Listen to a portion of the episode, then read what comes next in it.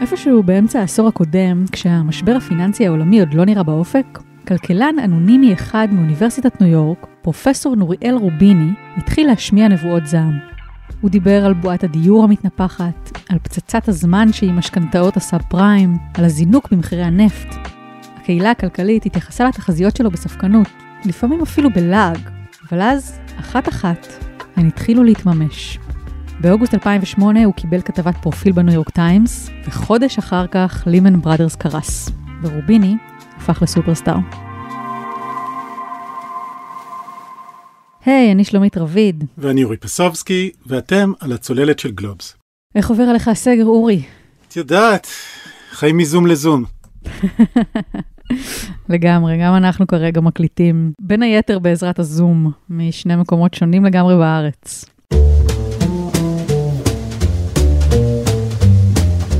You see me or no, I have to start my video. Okay. אתה מביא לנו היום ראיון עם פרופסור נוריאל רוביני, שהתחזיות שלו, איך לומר בעדינות, די קודרות. כן, כן. אם יש משפט אחד שתופס את רוח הדברים שלו, זה זה. So my baseline is uh, it's going to be a painful, anemic recovery, like the global financial crisis, only worse. אוקיי, okay, אז תרחיש הבסיס של פרופסור רוביני כרגע הוא שההתאוששות ממשבר הקורונה תהיה כואבת ואנמית, כמו מה שראינו אחרי המשבר הפיננסי ב-2008, אבל יותר גרוע. רק שנייה, לפני שאתה ממשיך הלאה, אני חייבת רגע לעצור אותך.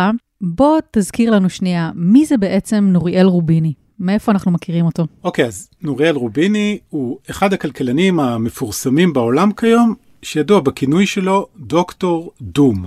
דוקטור דום, אהבתי. כלומר, הוא מין אה, נביא זעם כזה. כן, בדיוק. Uh, תראי, רוביני ידוע בתחזיות הקצת פסימיות שלו, ולמעשה זה בדיוק מה שהפך אותו לסופרסטאר. הוא קנה את עולמו כשחזה את המשבר הפיננסי ב-2008. איכשהו יש לי תחושה שכל פעם צץ איזה כלכלן על כזה שאומרים שהוא חזה את המשבר של 2008. אז מה, מה מיוחד דווקא אצלו? כן, את יודעת, uh, כשהוא התחיל להזהיר מהמשבר ב-2006 כבר, הוא היה כלכלן מכובד, אבל די אנונימי בסך הכל, וזה יישמע אולי משונה עכשיו, אבל באותה תקופה היו לא מעט אנשים שהסבירו שאין מה להתרגש, שהכל הולך להיות בסדר. והנה למשל קטע ממפגש הפתיחה של הפורום הכלכלי העולמי בדבוס בינואר 2007, ישבו שם שורה של כלכלנים נכבדים שהסבירו שהכלכלה במצב מצוין, לא חמה מדי ולא קרה מדי, בדיוק כמו הדייסה המושלמת בסיפור על זהבה ושלושת הדובים, זה מה שנקרא באנגלית The Goldilocks Economy. In the case of the US, uh, Goldilocks is being threatened by three ugly bears, and the three ugly bears I would refer to are one, uh, the housing recession. In my view, is not bottoming out. Some people argue it is. I don't believe it is. It's going to be getting worse before getting better. Secondly, you have still the delayed effects of the increases in interest rates by the Fed on one side, and the beginning of a credit crunch in the mortgage market. אז רוביני, בתור מי שמשמיע את הדעה הנגדית בפאנל הזה, אומר אם כבר זהבה, בוא נדבר על שלושת הדובים, על בועת הנדל"ן, על פצצת הזמן אה, של משכנתאות הסאב פריים, על אה, מחירי הנפט. הוא הזהיר שמה ממיתון כואב שהולך אה, להגיע לארצות הברית. והוא כמובן צדק. כמובן שהוא צדק.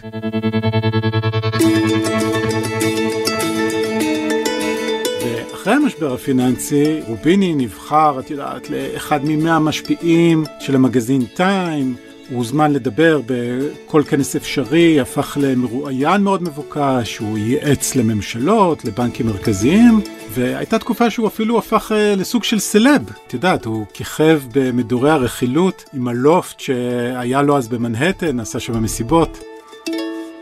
שמענו אותו הרגע מדבר, ואני חייבת לשאול אותך, מה זה המבטא הזה?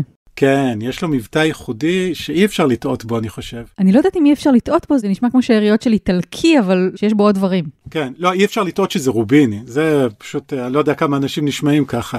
כי את יודעת, הוא בעצם בן למשפחה יהודית שנולד באיסטנבול. כשהוא היה ילד, המשפחה שלו עברה לאיראן, משם הם עברו לתל אביב, משם הם עברו לאיטליה, וואו. ואז הוא המשיך ללימודים בהרווארד, ובעצם uh, עבר להתגורר בארצות הברית. זה המקורות של המבטא שלו. וואו, זה ממש uh, שרשרת רנדומלית לגמרי של מדינות. אה, ממש קוסמופוליטי מצידו. תשמעי, רוביני מגדיר את עצמו גם אה, נווד גלובלי. כשהוא לא מלמד אה, כלכלה באוניברסיטת ניו יורק, הוא באמת מסתובב לא מעט בעולם, גם בכנסים, גם עבודות ייעוץ שהוא עושה. אבל את יודעת, בחצי שנה האחרונה, כמו כולם, הוא לא כל כך נוסע, הוא בעיקר בניו יורק, והוא מספר שאחרי שהייתה שם התפרצות די נוראית של הקורונה במרץ, עכשיו כולם נזהרים, לובשים מסכות, בינתיים העניינים שם בשליטה.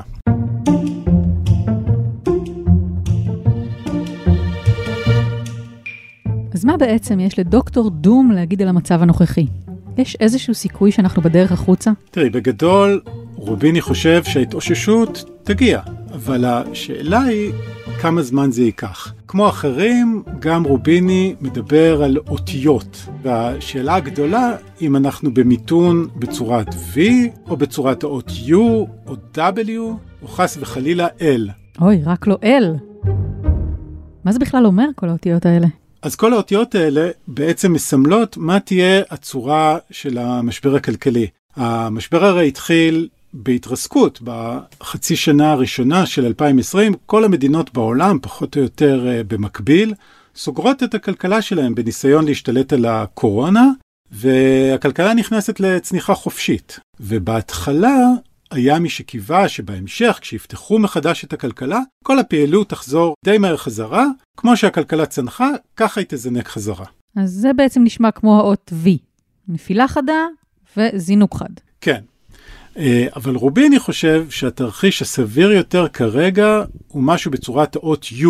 כלומר, מיתון, שאת יודעת, יש ירידה חדה למיתון, אבל נמצאים בתחתית יותר זמן, תחתית שלו די ממושכת. Uh, the unemployment rate correctly measured uh, is not 8.4%, is uh, above 10% if you measure it correctly, including uh, people that left uh, the labor force. And there is a huge amount of uh, you know, economic pain. You know, we have postponed the evictions, but many people cannot pay rent or pay their mortgage. There was a story in newspaper the other day saying that the food bank uh, one in Queens in New York uh, had a line uh, for a quarter of a mile and now is feeding uh, 10,000 people. אוקיי, okay, כאן הוא אומר שזה לא נכון ששיעור האבטלה בארצות הברית עומד על 8.4 אחוזים, אלא שאם היו מודדים נכון וכוללים את האנשים שעזבו את כוח העבודה, זה כבר היה מגיע למעל 10 אחוזים.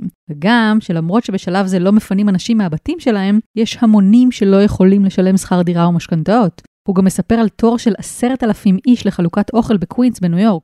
כן, ובכל מקרה זה לא איזה תמונה של uh, התאוששות נמרצת במיוחד, והוא גם מסביר שבגלל התפשטות הקורונה בדרום ארצות הברית, מערב ארצות הברית, uh, מערב התיכון, שוב מתחילה שם האטה, וכל mm-hmm. זה מוביל אותו לחזות תרחיש בצורת האות U, וזה עוד התרחיש הטוב. אם זה התרחיש הטוב, אני קצת מפחדת לשאול מה הרע. אני חושש אה, שהתרחיש הרע די דומה למה שאנחנו רואים היום בישראל. כלומר, הכלכלה מתחילה לצאת מהמיתון, ואז נכנסים לגל שני של קורונה, ולעוד סגרים, ולעוד מיתון, וככה מקבלים את האות W. כלומר, יורדים למיתון, מתחילים לצאת ממנו, ואז צונחים שוב לאטה, ורק בהמשך מגיעה התאוששות. רגע, זה לא בדיוק התרחיש שמפניו הזהיר כאן דוקטור אייל ארגוב מבנק ישראל בפרק 58 של הצוללת? כן, זה מאוד דומה לתרחיש הפסימי של בנק ישראל.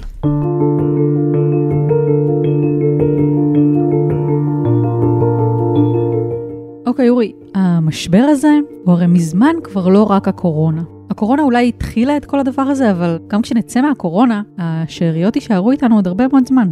בלי קשר לכמה יצליחו להתמודד עם המגפה, כבר די ברור שהמשבר כבר כאן, ויש הרבה חברות למשל שנמצאות עמוק בחובות ובמצוקה, והן נאלצות לבצע קיצוצים כדי לשרוד. ורוביני מסביר שזה יוצר מין מעגל קסמים. כי כשהעובדים של החברות האלה הם מפוטרים או אפילו מפחדים מפיטורים, הם אה, גם קונים פחות, וזה אומר שיש פחות צריכה, וככה זה ממשיך. הוא מסביר שגם אחרי המשבר אפשר לצפות ששוק העבודה לא בדיוק ישתקם בן לילה. Even when the firms start rehiring again, like uh, they did after the global financial crisis, it's not going to be full-time jobs with full wages, full benefits. It's going to be part-time, hourly workers, temporary, gig workers, contractor, freelancers.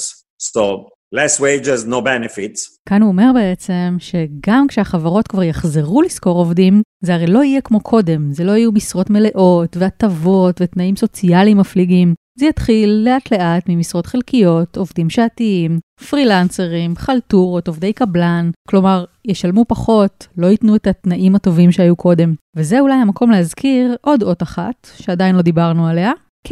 אז חשוב לציין שבאמת המיתון הזה הוא בעצם פוגע באנשים בצורה שונה. תחשבי למשל על מישהו שעובד בחברת הייטק והוא יכול לעבוד מהבית Mm-hmm. וגם יש לו אופציות או מניות בחברה.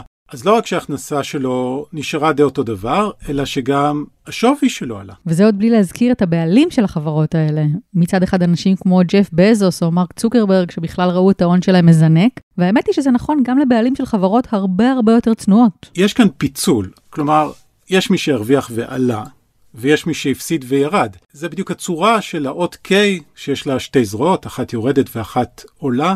בכל מקרה, הנה רוביני. Those who have uh, good jobs, who can work from home, that work for big tech or good companies, and have some savings in the stock market, they're going up because their jobs are still there and their equity well now is rising in value, apart from the last few days when there is a correction. כאן הוא ממשיך ומסביר שאלה שיש להם עבודות טובות בחברות טכנולוגיה או בחברות יציבות אחרות, שיכולים לעבוד מהבית, שיש להם חסכונות בשוק ההון, הם בעצם בעלייה, כי ערך ההשקעות שלהם עולה.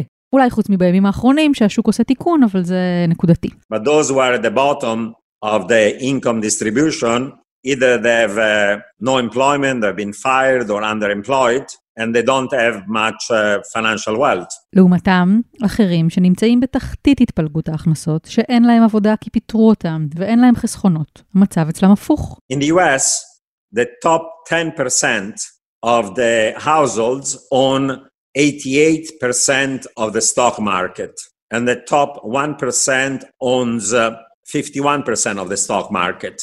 The bottom 50% of the population, about 160 million people, pretty much own zero stocks, so they don't benefit from the stock market going up. הוא מספר שבארצות הברית, העשירון העליון מחזיק ב-88% משוק המניות, והאחוזון העליון מחזיק ב-51% ממנו.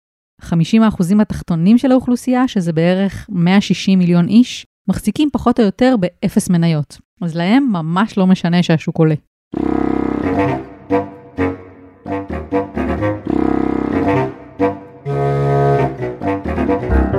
אז עד עכשיו דיברנו בעצם על המשבר הנוכחי. מה התחזית שלו כשמסתכלים קצת יותר קדימה? לרוביני באמת היה המון מה להגיד, לא ניכנס להכל עכשיו. מי שרוצה את התמונה המלאה, מוזמן לקרוא את הראיון עם רוביני באתר גלובס, ובכלל כדאי לעשות מנוי על גלובס. זה תמיד נכון. אולי נגיד ככה בכל זאת על קצה המזלג, שרוביני די מודאג מכל מיני מגמות שאנחנו רואים כבר עכשיו. את יודעת, אה, למשל נסיגה מהגלובליזציה, יש הרי מלחמת סחר בין ארצות הברית לסין, מדינות מטילות מכסים כדי להגן על התעשייה המקומית שלהן, אוסרות על אה, ייבוא של מוצרים ממדינות אחרות, כל מיני מוצרי אלקטרוניקה. זה תהליך שנהוג לכנות אותו דה-גלובליזציה. ואם תוסיפי לזה את העובדה שחברות משקיעות כרגע פחות בציוד, במפעלים חדשים, בגלל המשבר, כל זה עשוי להוביל לצמיחה איטית יותר בעתיד. אוקיי. אבל מהצד השני, אנחנו רואים במקביל שהממשלות נכנסות לגירעונות בגלל המשבר. בכל העולם, גם אצלנו, אפילו אם הגירעונות האלה מוצדקים, כי את יודעת, צריך לעזור לאנשים לעבור את התקופה הזאת, בסופו של דבר, הגירעונות האלה עלולים להביא לאינפלציה, לפי רוביני, כי הם מלווים בלא מעט הדפסת כסף. אז מצד אחד האטה, ומצד שני אינפלציה. ביחד זה לא נשמע טוב. כן, כן, יש לזה שם, סטגפלציה. אמ, זה בדיוק מה שקרה בשנות ה-70 אגב, כשמחיר הנפט זינק, על רקע מלחמת יום כיפור בין היתר, כלכלה עולמית נכנסה להאטה, הממשלות התמודדו אה, באמצעות הדפסת כסף, זה נגמר לא טוב. If those things continue and we keep on printing money to finance large deficits, eventually, not in the short run, but eventually we could go back to 70 styles of stagflation. That's a risk. אוקיי, okay, עכשיו אני מתחילה להבין קצת יותר טוב למה קוראים לו דוקטור דום. אם כי את יודעת, כשאמרתי לרוביני, הזכרתי שקוראים לו דוקטור דום, הוא התעקש שהוא דוקטור ריאליסט.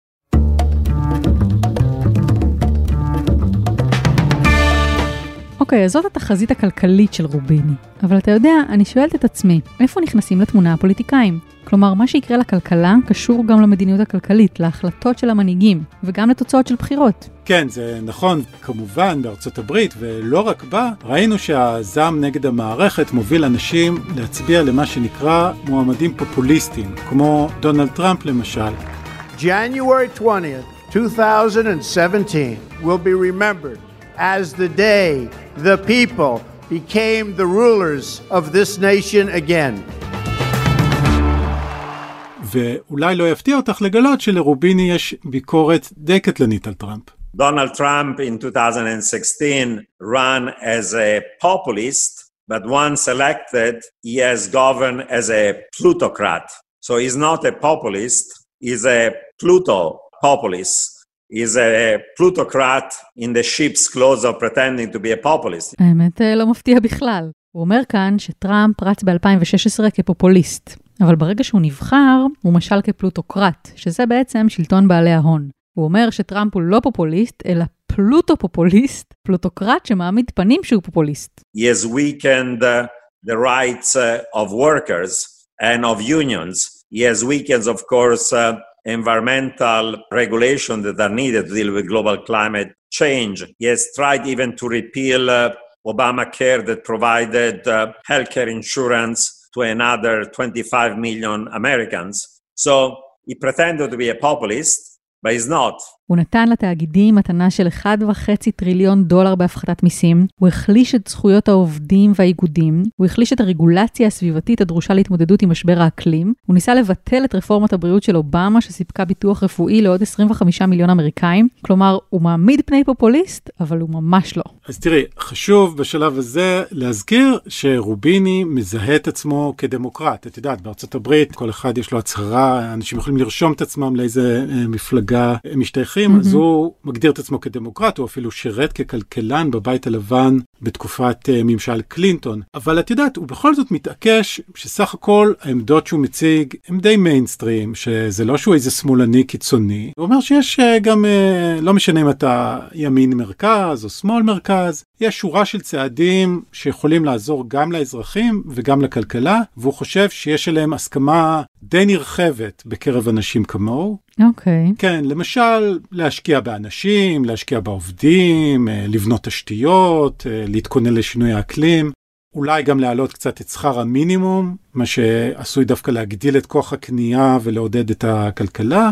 ועוד דבר שהוא מזכיר זה את הצורך להגדיל את ההכנסות, כלומר שהמדינות קצת יגדילו את המיסים על תאגידים, הוא תומך בטיפה יותר מיסים על עשירים, ואולי גם מיסים על פליטות פחמן, כדי uh, להתמודד עם ההתחממות הגלובלית. כלומר, איך שהוא אומר, אפשר קצת להעלות את ההכנסות, וככה יש כסף לבצע את ההשקעה שדרושה כדי להוציא אותנו מהמיתון, ואולי קצת להגביר את קצב הצמיחה.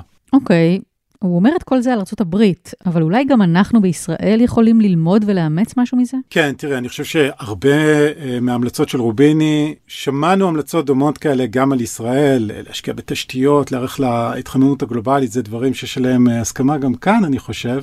שאלתי אותו על ישראל, אני חושב שהרבה ממה שיש לו להגיד די מוכר לשומעים שלנו. את יודעת, הוא אומר למשל שיש לנו מצד אחד סקטור הייטק מפואר שהולך ליהנות, את יודעת, מהעתיד הדיגיטלי שצפוי ביום שאחרי הקורונה, אבל יש גם אוכלוסיות שנשארו יחסית מאחור, למשל הערבים והחרדים. Mm-hmm. כן יש לו המלצה אחת לישראל שנשמעת כמו עצה לא רעה, להתמודד עם הקורונה באופן ממוקד. אם כשהוא אומר באופן ממוקד הוא מתכוון לסגרים לפי אזורי תחלואה, אז צר לי לבשר לפרופסור רוביני, או יותר נכון צר לי להודות, שזה בדיוק מה שאנחנו ככל הנראה לא מסוגלים לעשות. ולכן אנחנו מתמודדים איתה באופן המפוזר ביותר האפשרי. נו, את רואה, הוא בכל זאת אופטימי. יותר ממני כנראה. את יודעת, דיברנו על זה שאנחנו בפתח החגים, והוא סיפר לי על הסדר שהוא עשה בזום, בשיא של המגפה בניו יורק במרץ, וגם קינח ככה את הרעיון בתקווה שהשנה הבאה תהיה טובה יותר. Maybe after these holidays uh, and with new year there is light at the end of the tunnel and there'll be a brighter new light for the coming year. And hopefully the coming year is going to be a, a year of uh, health, of uh, welfare, of return to work, to to job, to study, and to hopefully slightly better and more normal life. Uh, we all hope so.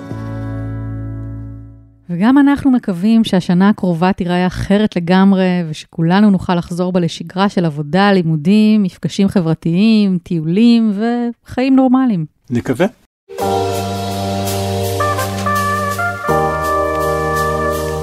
אז עד כאן הצוללת של גלובס. מוזמנות ומוזמנים לעקוב אחרינו בספוטיפיי או בכל אפליקציה שאתם אוהבים. וכמובן לשלוח את הפרק לחברים שיכולים ליהנות ממנו. לפני שניפרד, אני רוצה לספר לכם שהפודקאסט שלי, דברים שרואים משם, חזר השבוע לעונה חדשה, עם סיפור מהמם על בן ביטון, שעובד כמוזיקאי הראשי של בית כנסת רפורמי במיניאפוליס, עיר שעבר עליה קיץ סוער במיוחד, סיפור מעולה. חפשו דברים שרואים משם בכל האפליקציות. לא לפספס. תודה לעורך הפודקאסטים רון טוביה ולכל צוות הצוללת. אני שלומית רביד. אני אורי פסובסקי, ניפגש בשבוע הבא. גמר חתימה טובה. ביי.